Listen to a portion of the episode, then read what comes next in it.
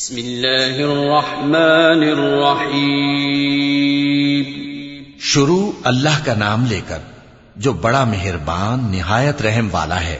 الحمد لله فاطر السماوات والأرض جاعل الملائكة رسلا أولي أجنحة أولي أجنحة مثنى وثلاث ورباع۔ يزيد في الخلق ما يشاء. إن الله على كل شيء قدير. ما يفتح الله للناس من رحمة فلا ممسك لها وما يمسك فلا مرسل له من بعده وهو العزيز الحكيم. سب تعریف اللہ ہی کے لیے ہے جو آسمانوں اور زمین کا پیدا کرنے والا اور فرشتوں کو قاصد بنانے والا ہے۔ جن کے دو دو اور تین تین اور چار چار پر ہیں، وہ اپنی مخلوقات میں جو چاہتا ہے بڑھاتا ہے۔ بے شک اللہ ہر چیز پر قادر ہے۔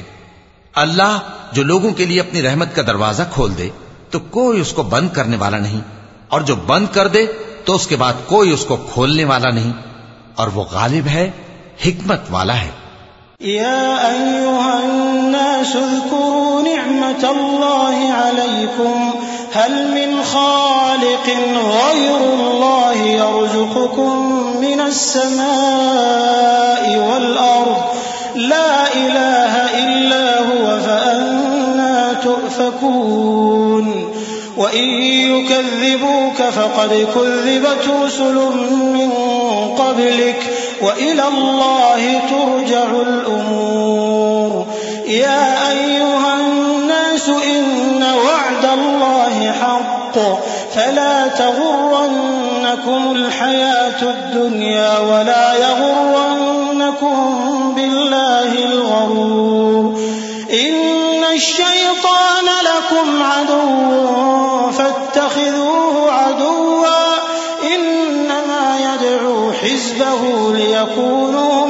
أصحاب السعير الذين كفروا لهم عذاب شديد والذين آمنوا وعملوا الصالحات لهم مغفرة وأجر كبير لوگو، اللہ کے جو تم پر احسانات ہیں، ان کو یاد کرو۔ کیا اللہ کے سوا کوئی اور خالق اور رازق ہے جو تم کو آسمان اور زمین سے رزق دے؟ اس کے سوا کوئی معبود نہیں۔ پس تم کیسے الٹائے جاتے ہو؟ اور اے پیغمبر، اگر یہ لوگ تم کو جھٹلائیں تو تم سے پہلے بھی پیغمبر جھٹلائے گئے ہیں۔ اور سب کام اللہ ہی کی طرف لوٹائے جائیں گے۔ لوگو، اللہ کا وعدہ سچا ہے تو تم کو دنیا کی زندگی دھوکے میں نہ ڈال دے۔ اور نہ بڑا فریبی یعنی شیطان تمہیں اللہ کے نام سے فریب دے۔ شیطان تمہارا دشمن ہے، تم بھی اسے دشمن ہی سمجھو۔ وہ اپنے پیروں کے گروہ کو بلاتا ہے تاکہ وہ دوزخ والوں میں ہو جائیں جنہوں نے کفر کیا ان کے لیے سخت عذاب ہے، اور جو ایمان لائے اور عمل نیک کرتے رہے، ان کے لیے بخشش اور بڑا ثواب ہے۔ أفمن زين له سوء عمله فرآه حسنا، فإن الله يضل من يشاء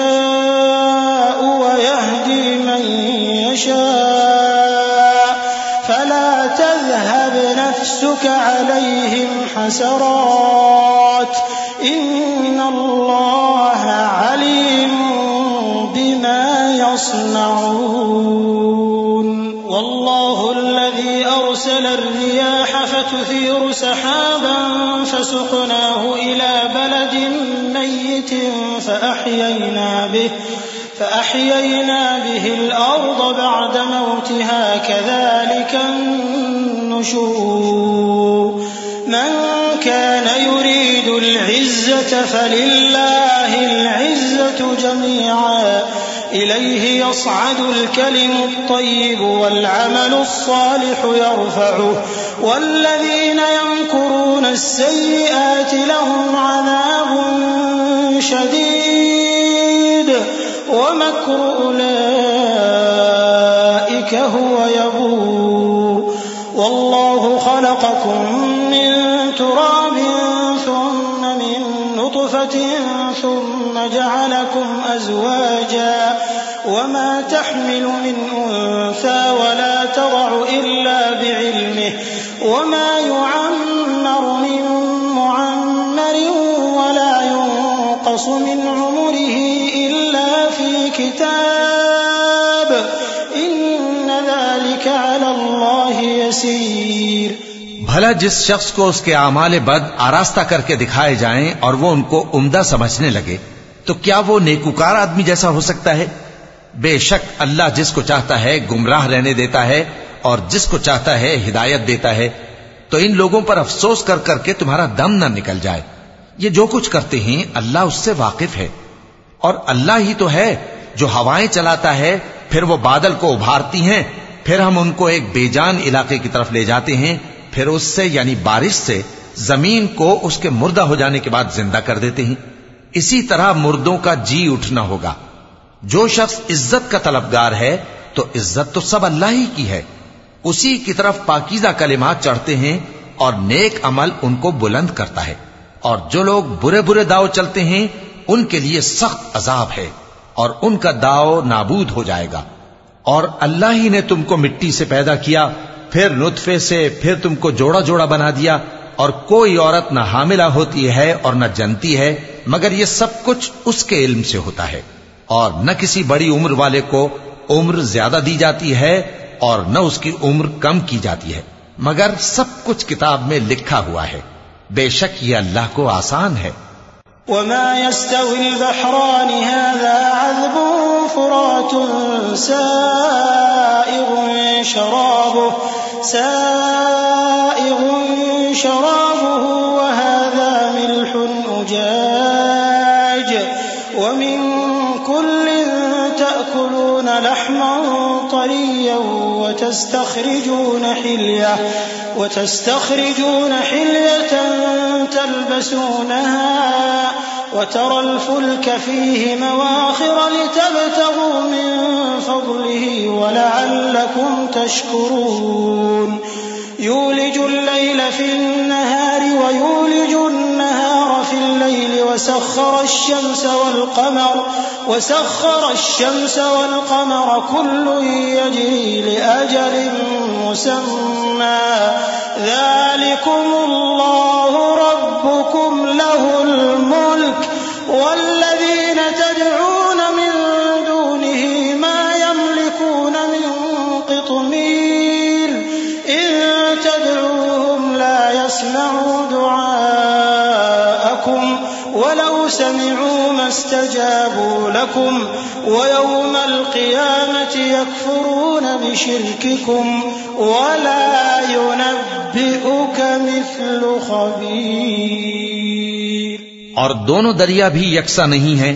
یہ ایک تو میٹھا ہے، پیاس بجھانے والا، جس کا پانی خوشگوار ہے، اور یہ دوسرا کھاری ہے، کڑوا۔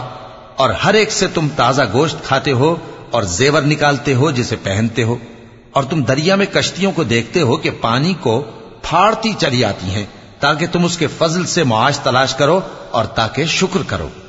وہی رات کو دن میں داخل کرتا اور وہی دن کو رات میں داخل کرتا ہے اور اسی نے سورج اور چاند کو کام میں لگا دیا ہے۔ ہر ایک ایک وقت مقرر تک چل رہا ہے۔ یہی اللہ تمہارا پروردگار ہے۔ اسی کی بادشاہی ہے اور جن لوگوں کو تم اس کے سوا پکارتے ہو، وہ کھجور کی گٹھلی کے چھلکے کے برابر بھی تو کسی چیز کے مالک نہیں۔ اگر تم ان جھوٹے معبودوں کو پکارو، تو وہ تمہاری پکار نہ سنیں۔ اور اگر سن بھی لیں، تو تمہاری بات کو قبول نہ کر سکیں۔ اور قیامت کے روز تمہارے شرک سے انکار کر دیں گے۔ اور ایک ہی باخبر کی طرح تم کو کوئی خبر نہیں دے گا۔ يا أيها الناس أنتم الفقراء إلى الله والله هو الغني الحميد إن يشأ يذهبكم ويأتي بخلق جديد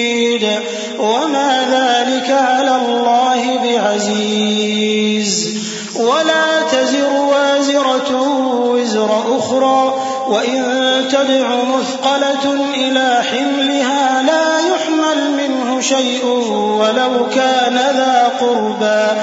إنما تنذر الذين يخشون ربهم بالغيب وأقاموا الصلاة. ومن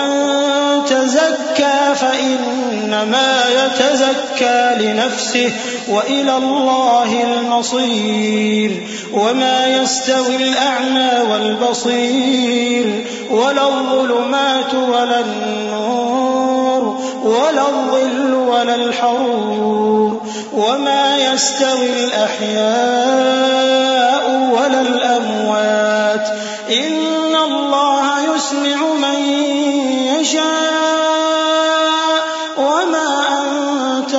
بمسمع من في القبور إن أنت إلا نذير إنا أرسلناك بالحق بشيرا ونذيرا وإن من أمة إلا خلا فيها نذير لوگو، تم سب اللہ کے محتاج ہو اور اللہ ہی تو بے نیاز ہے، لائق حمد و ثنا ہے۔ اگر وہ چاہے تو تم کو نابود کر دے اور نئی مخلوق لے آئے۔ اور یہ اللہ کو کچھ مشکل نہیں۔ اور کوئی بوجھ اٹھانے والا کسی دوسرے کا بوجھ نہ اٹھائے گا، اور کوئی بوجھ میں دبا ہوا اپنا بوجھ بٹانے کے لیے کسی کو بلائے تو بٹایا نہ جائے گا، اگرچہ قرابت دار ہی ہو۔ اے پیغمبر، تم انہی لوگوں کو نصیحت کر سکتے ہو جو بن دیکھے اپنے پروردگار سے ڈرتے اور پابندی سے نماز ادا کرتے ہیں، اور جو شخص سنورتا ہے تو وہ اپنے ہی لیے سنورتا ہے، اور سب کو اللہ ہی کی طرف لوٹ کر جانا ہے۔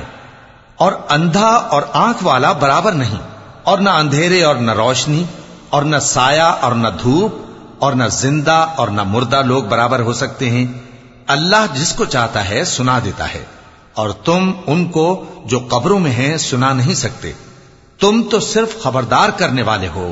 ہم نے تم کو حق کے ساتھ خوشخبری سنانے والا اور ڈرانے والا بنا کر بھیجا ہے، اور کوئی امت ایسی نہیں جس میں کوئی خبردار کرنے والا نہ گزرا ہو۔ وَإِن يُكَذِّبُوكَ فَقَدْ كَذَّبَ الَّذِينَ مِن قَبْلِهِمْ. جَاءَتْهُمْ رُسُلُهُم بِالْبَيِّنَاتِ وَبِالزُّبُرِ وَبِالْكِتَابِ الْمُنِيرِ. ثُمَّ أَخَذْتُ الَّذِينَ كَفَرُوا فَكَيْفَ كَانَ نَكِيرِ؟ أَلَمْ تَرَ أَنَّ اللَّهَ أَنزَلَ مِنَ السَّمَاءِ مَاءً فَأَخْرَجْنَا بِهِ فأخرجنا به ثمرات مختلفا ألوانها ومن الجبال جدد بيض وحمر مختلف ألوانها وغرابيب سود ومن الناس والدواب والأنعام مختلف ألوانه كذلك. إنما يخشى الله من عباده العلماء. إن الله عزيز غفور. اور اے نبی، اگر یہ تمہاری تکذیب کریں تو جو لوگ ان سے پہلے تھے وہ بھی تکذیب کر چکے ہیں۔ ان کے پاس ان کے پیغمبر نشانیاں اور صحیفے اور روشن کتابیں لے لے کر آتے رہے۔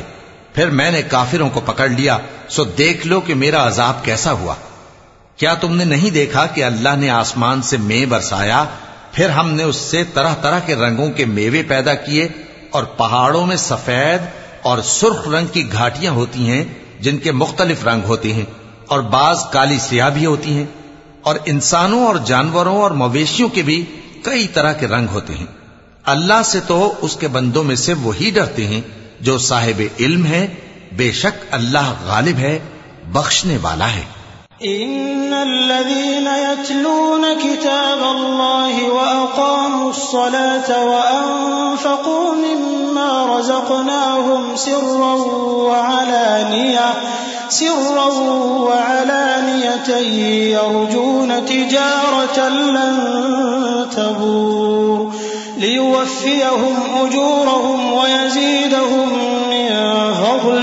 إنه غفور شكور. والذي أوحينا إليك من الكتاب هو الحق مصدقا لما بين يديه. إن الله بعباده لخبير بصير. ثم أورثنا الكتاب الذين اصطفينا من عبادنا فمنهم ظالم لنفسه ومنهم مقتصد ومنهم سابق بالخيرات بإذن الله. ذلك هو الفضل الكبير. جو لوگ اللہ کی کتاب پڑھتے اور نماز کی پابندی کرتے ہیں اور جو کچھ ہم نے ان کو دیا ہے، اس میں سے پوشیدہ اور ظاہر خرچ کرتے ہیں، وہ اس تجارت کے فائدے کے امیدوار ہیں جو کبھی تباہ نہیں ہوگی۔ کیونکہ اللہ ان کو پورا پورا بدلہ دے گا اور اپنے فضل سے کچھ زیادہ بھی دے گا۔ وہ تو بخشنے والا ہے، قدردان ہے۔ اور یہ کتاب جو ہم نے تمہاری طرف بھیجی ہے، برحق ہے۔ اور ان کتابوں کی تصدیق کرتی ہے جو اس سے پہلے کی ہیں۔ بے شک اللہ اپنے بندوں سے خبردار ہے اور ان کو دیکھنے والا ہے۔ پھر ہم نے ان لوگوں کو کتاب کا وارث ٹھہرایا جن کو اپنے بندوں میں سے برگزیدہ کیا۔ تو کچھ تو ان میں سے اپنے آپ پر ظلم کرتے ہیں اور کچھ میانہ رو ہیں۔ اور کچھ اللہ کے حکم سے نیکیوں میں آگے نکل جانے والے ہیں۔ یہی بڑا فضل ہے۔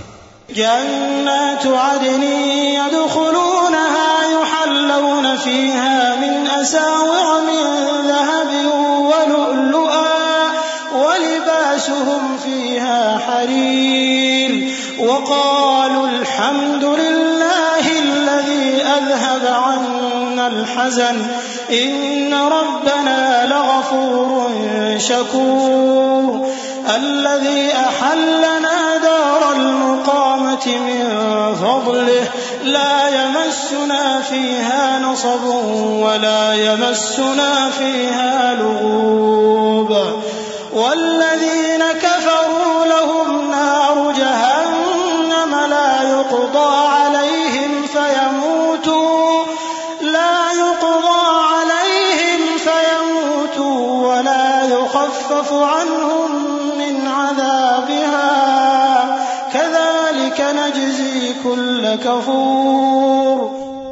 کے لیے ہمیشہ رہنے والی جنتیں ہیں جن میں وہ داخل ہوں گے۔ وہاں ان کو سونے کے کنگن اور موتی پہنائے جائیں گے اور ان کی پوشاک ریشمی ہوگی۔ وہ کہیں گے کہ اللہ کا شکر ہے، جس نے ہم سے رنج و غم دور کیا۔ بے شک ہمارا پروردگار بخشنے والا ہے، قدردان ہے۔ جس نے ہم کو اپنے فضل سے ہمیشہ کے رہنے کے گھر میں اتارا، یہاں نہ تو ہم کو کوئی تکلیف پہنچے گی اور نہ تکان ہی ہوگی۔ اور جن لوگوں نے کفر کیا ان کے لیے دوزخ کی آگ ہے، نہ انہیں موت ہی آئے گی کہ مر جائیں، اور نہ دوزخ کا عذاب ہی ان سے ہلکا کیا جائے گا۔ ہم ہر ایک ناشکرے کو ایسا ہی بدلہ دیا کرتے ہیں۔ وهم يصطرخون فيها ربنا أخرجنا نعمل صالحا غير الذي كنا نعمل۔ أولم نعمركم ما يتذكر فيه من تذكر؟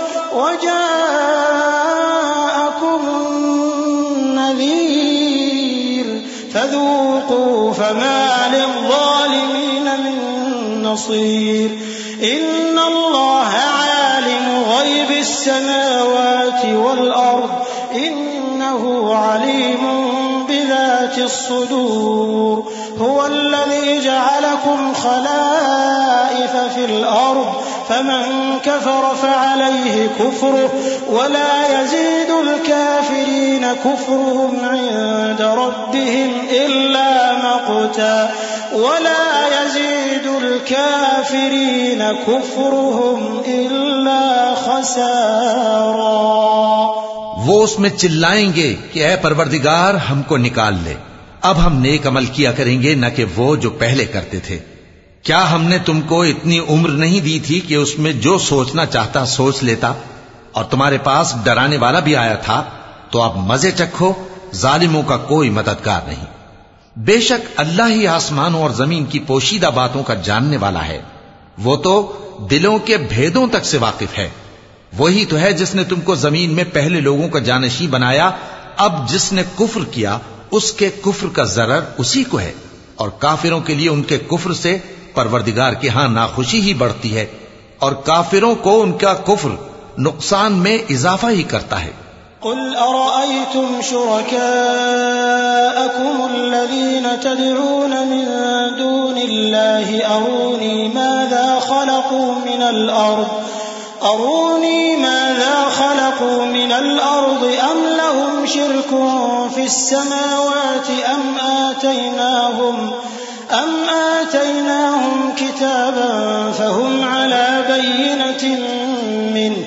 بل إن يعد الظالمون بعضهم بعضا إلا غرورا. إن الله يمسك السماوات والأرض أن تزولا. ولئن زالتا أمسكهما من أحد من بعده إنه كان حليما غفورا. بھلا تم نے اپنے شریکوں کو دیکھا جن کو تم اللہ کے سوا پکارتے ہو؟ مجھے دکھاؤ کہ انہوں نے زمین میں سے کون سی چیز پیدا کی ہے؟ یا کیا آسمانوں میں ان کی شرکت ہے؟ یا ہم نے ان کو کوئی کتاب دی ہے جس کی وہ سند رکھتے ہوں؟ ان میں سے کوئی بات بھی نہیں، بلکہ ظالم جو ایک دوسرے کو وعدہ دیتے ہیں، محض فریب ہے۔ اللہ ہی آسمانوں اور زمین کو تھامے ہوئے ہے کہ کہیں وہ اپنی جگہ سے ٹل نہ جائیں اور اگر وہ ٹلنے لگیں تو اللہ کے سوا کوئی ایسا نہیں جو ان کو تھام سکے۔ بے شک وہ بردبار ہے، بخشنے والا ہے۔ وأقسموا بالله جهد أيمانهم لئن جاءهم نذير ليكونن أهدى۔ لئن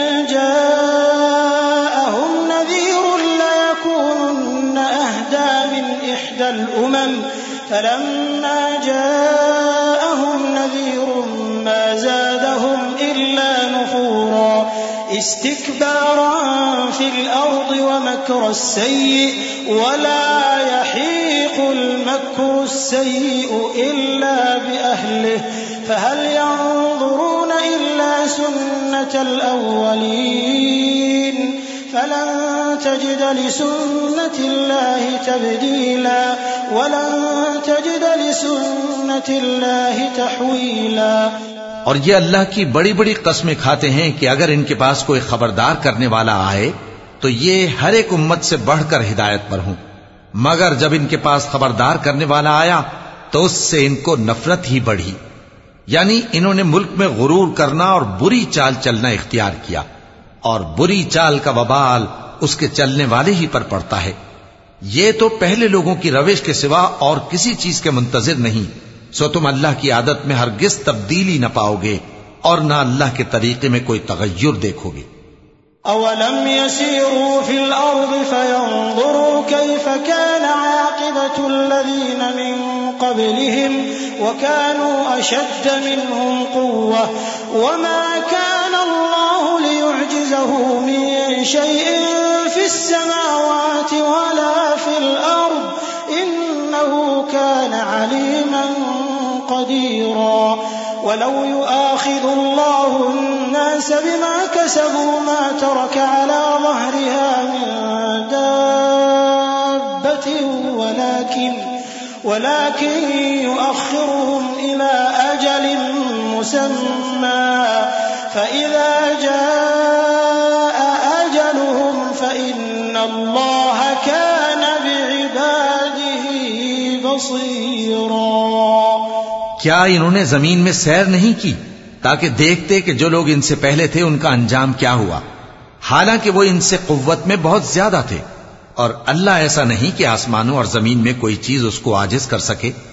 وہ علم والا ہے، قدرت والا ہے۔ اور اگر اللہ لوگوں کو ان کے اعمال کے سبب پکڑنے لگتا تو روئے زمین پر ایک بھی چلنے پھرنے والے کو نہ چھوڑتا۔ لیکن وہ ان کو ایک وقت مقرر تک مہلت دیے جاتا ہے۔ سو جب ان کا وقت آ جائے گا، تو ان کے اعمال کا بدلہ دے گا، کیونکہ اللہ اپنے بندوں کو دیکھ رہا ہے۔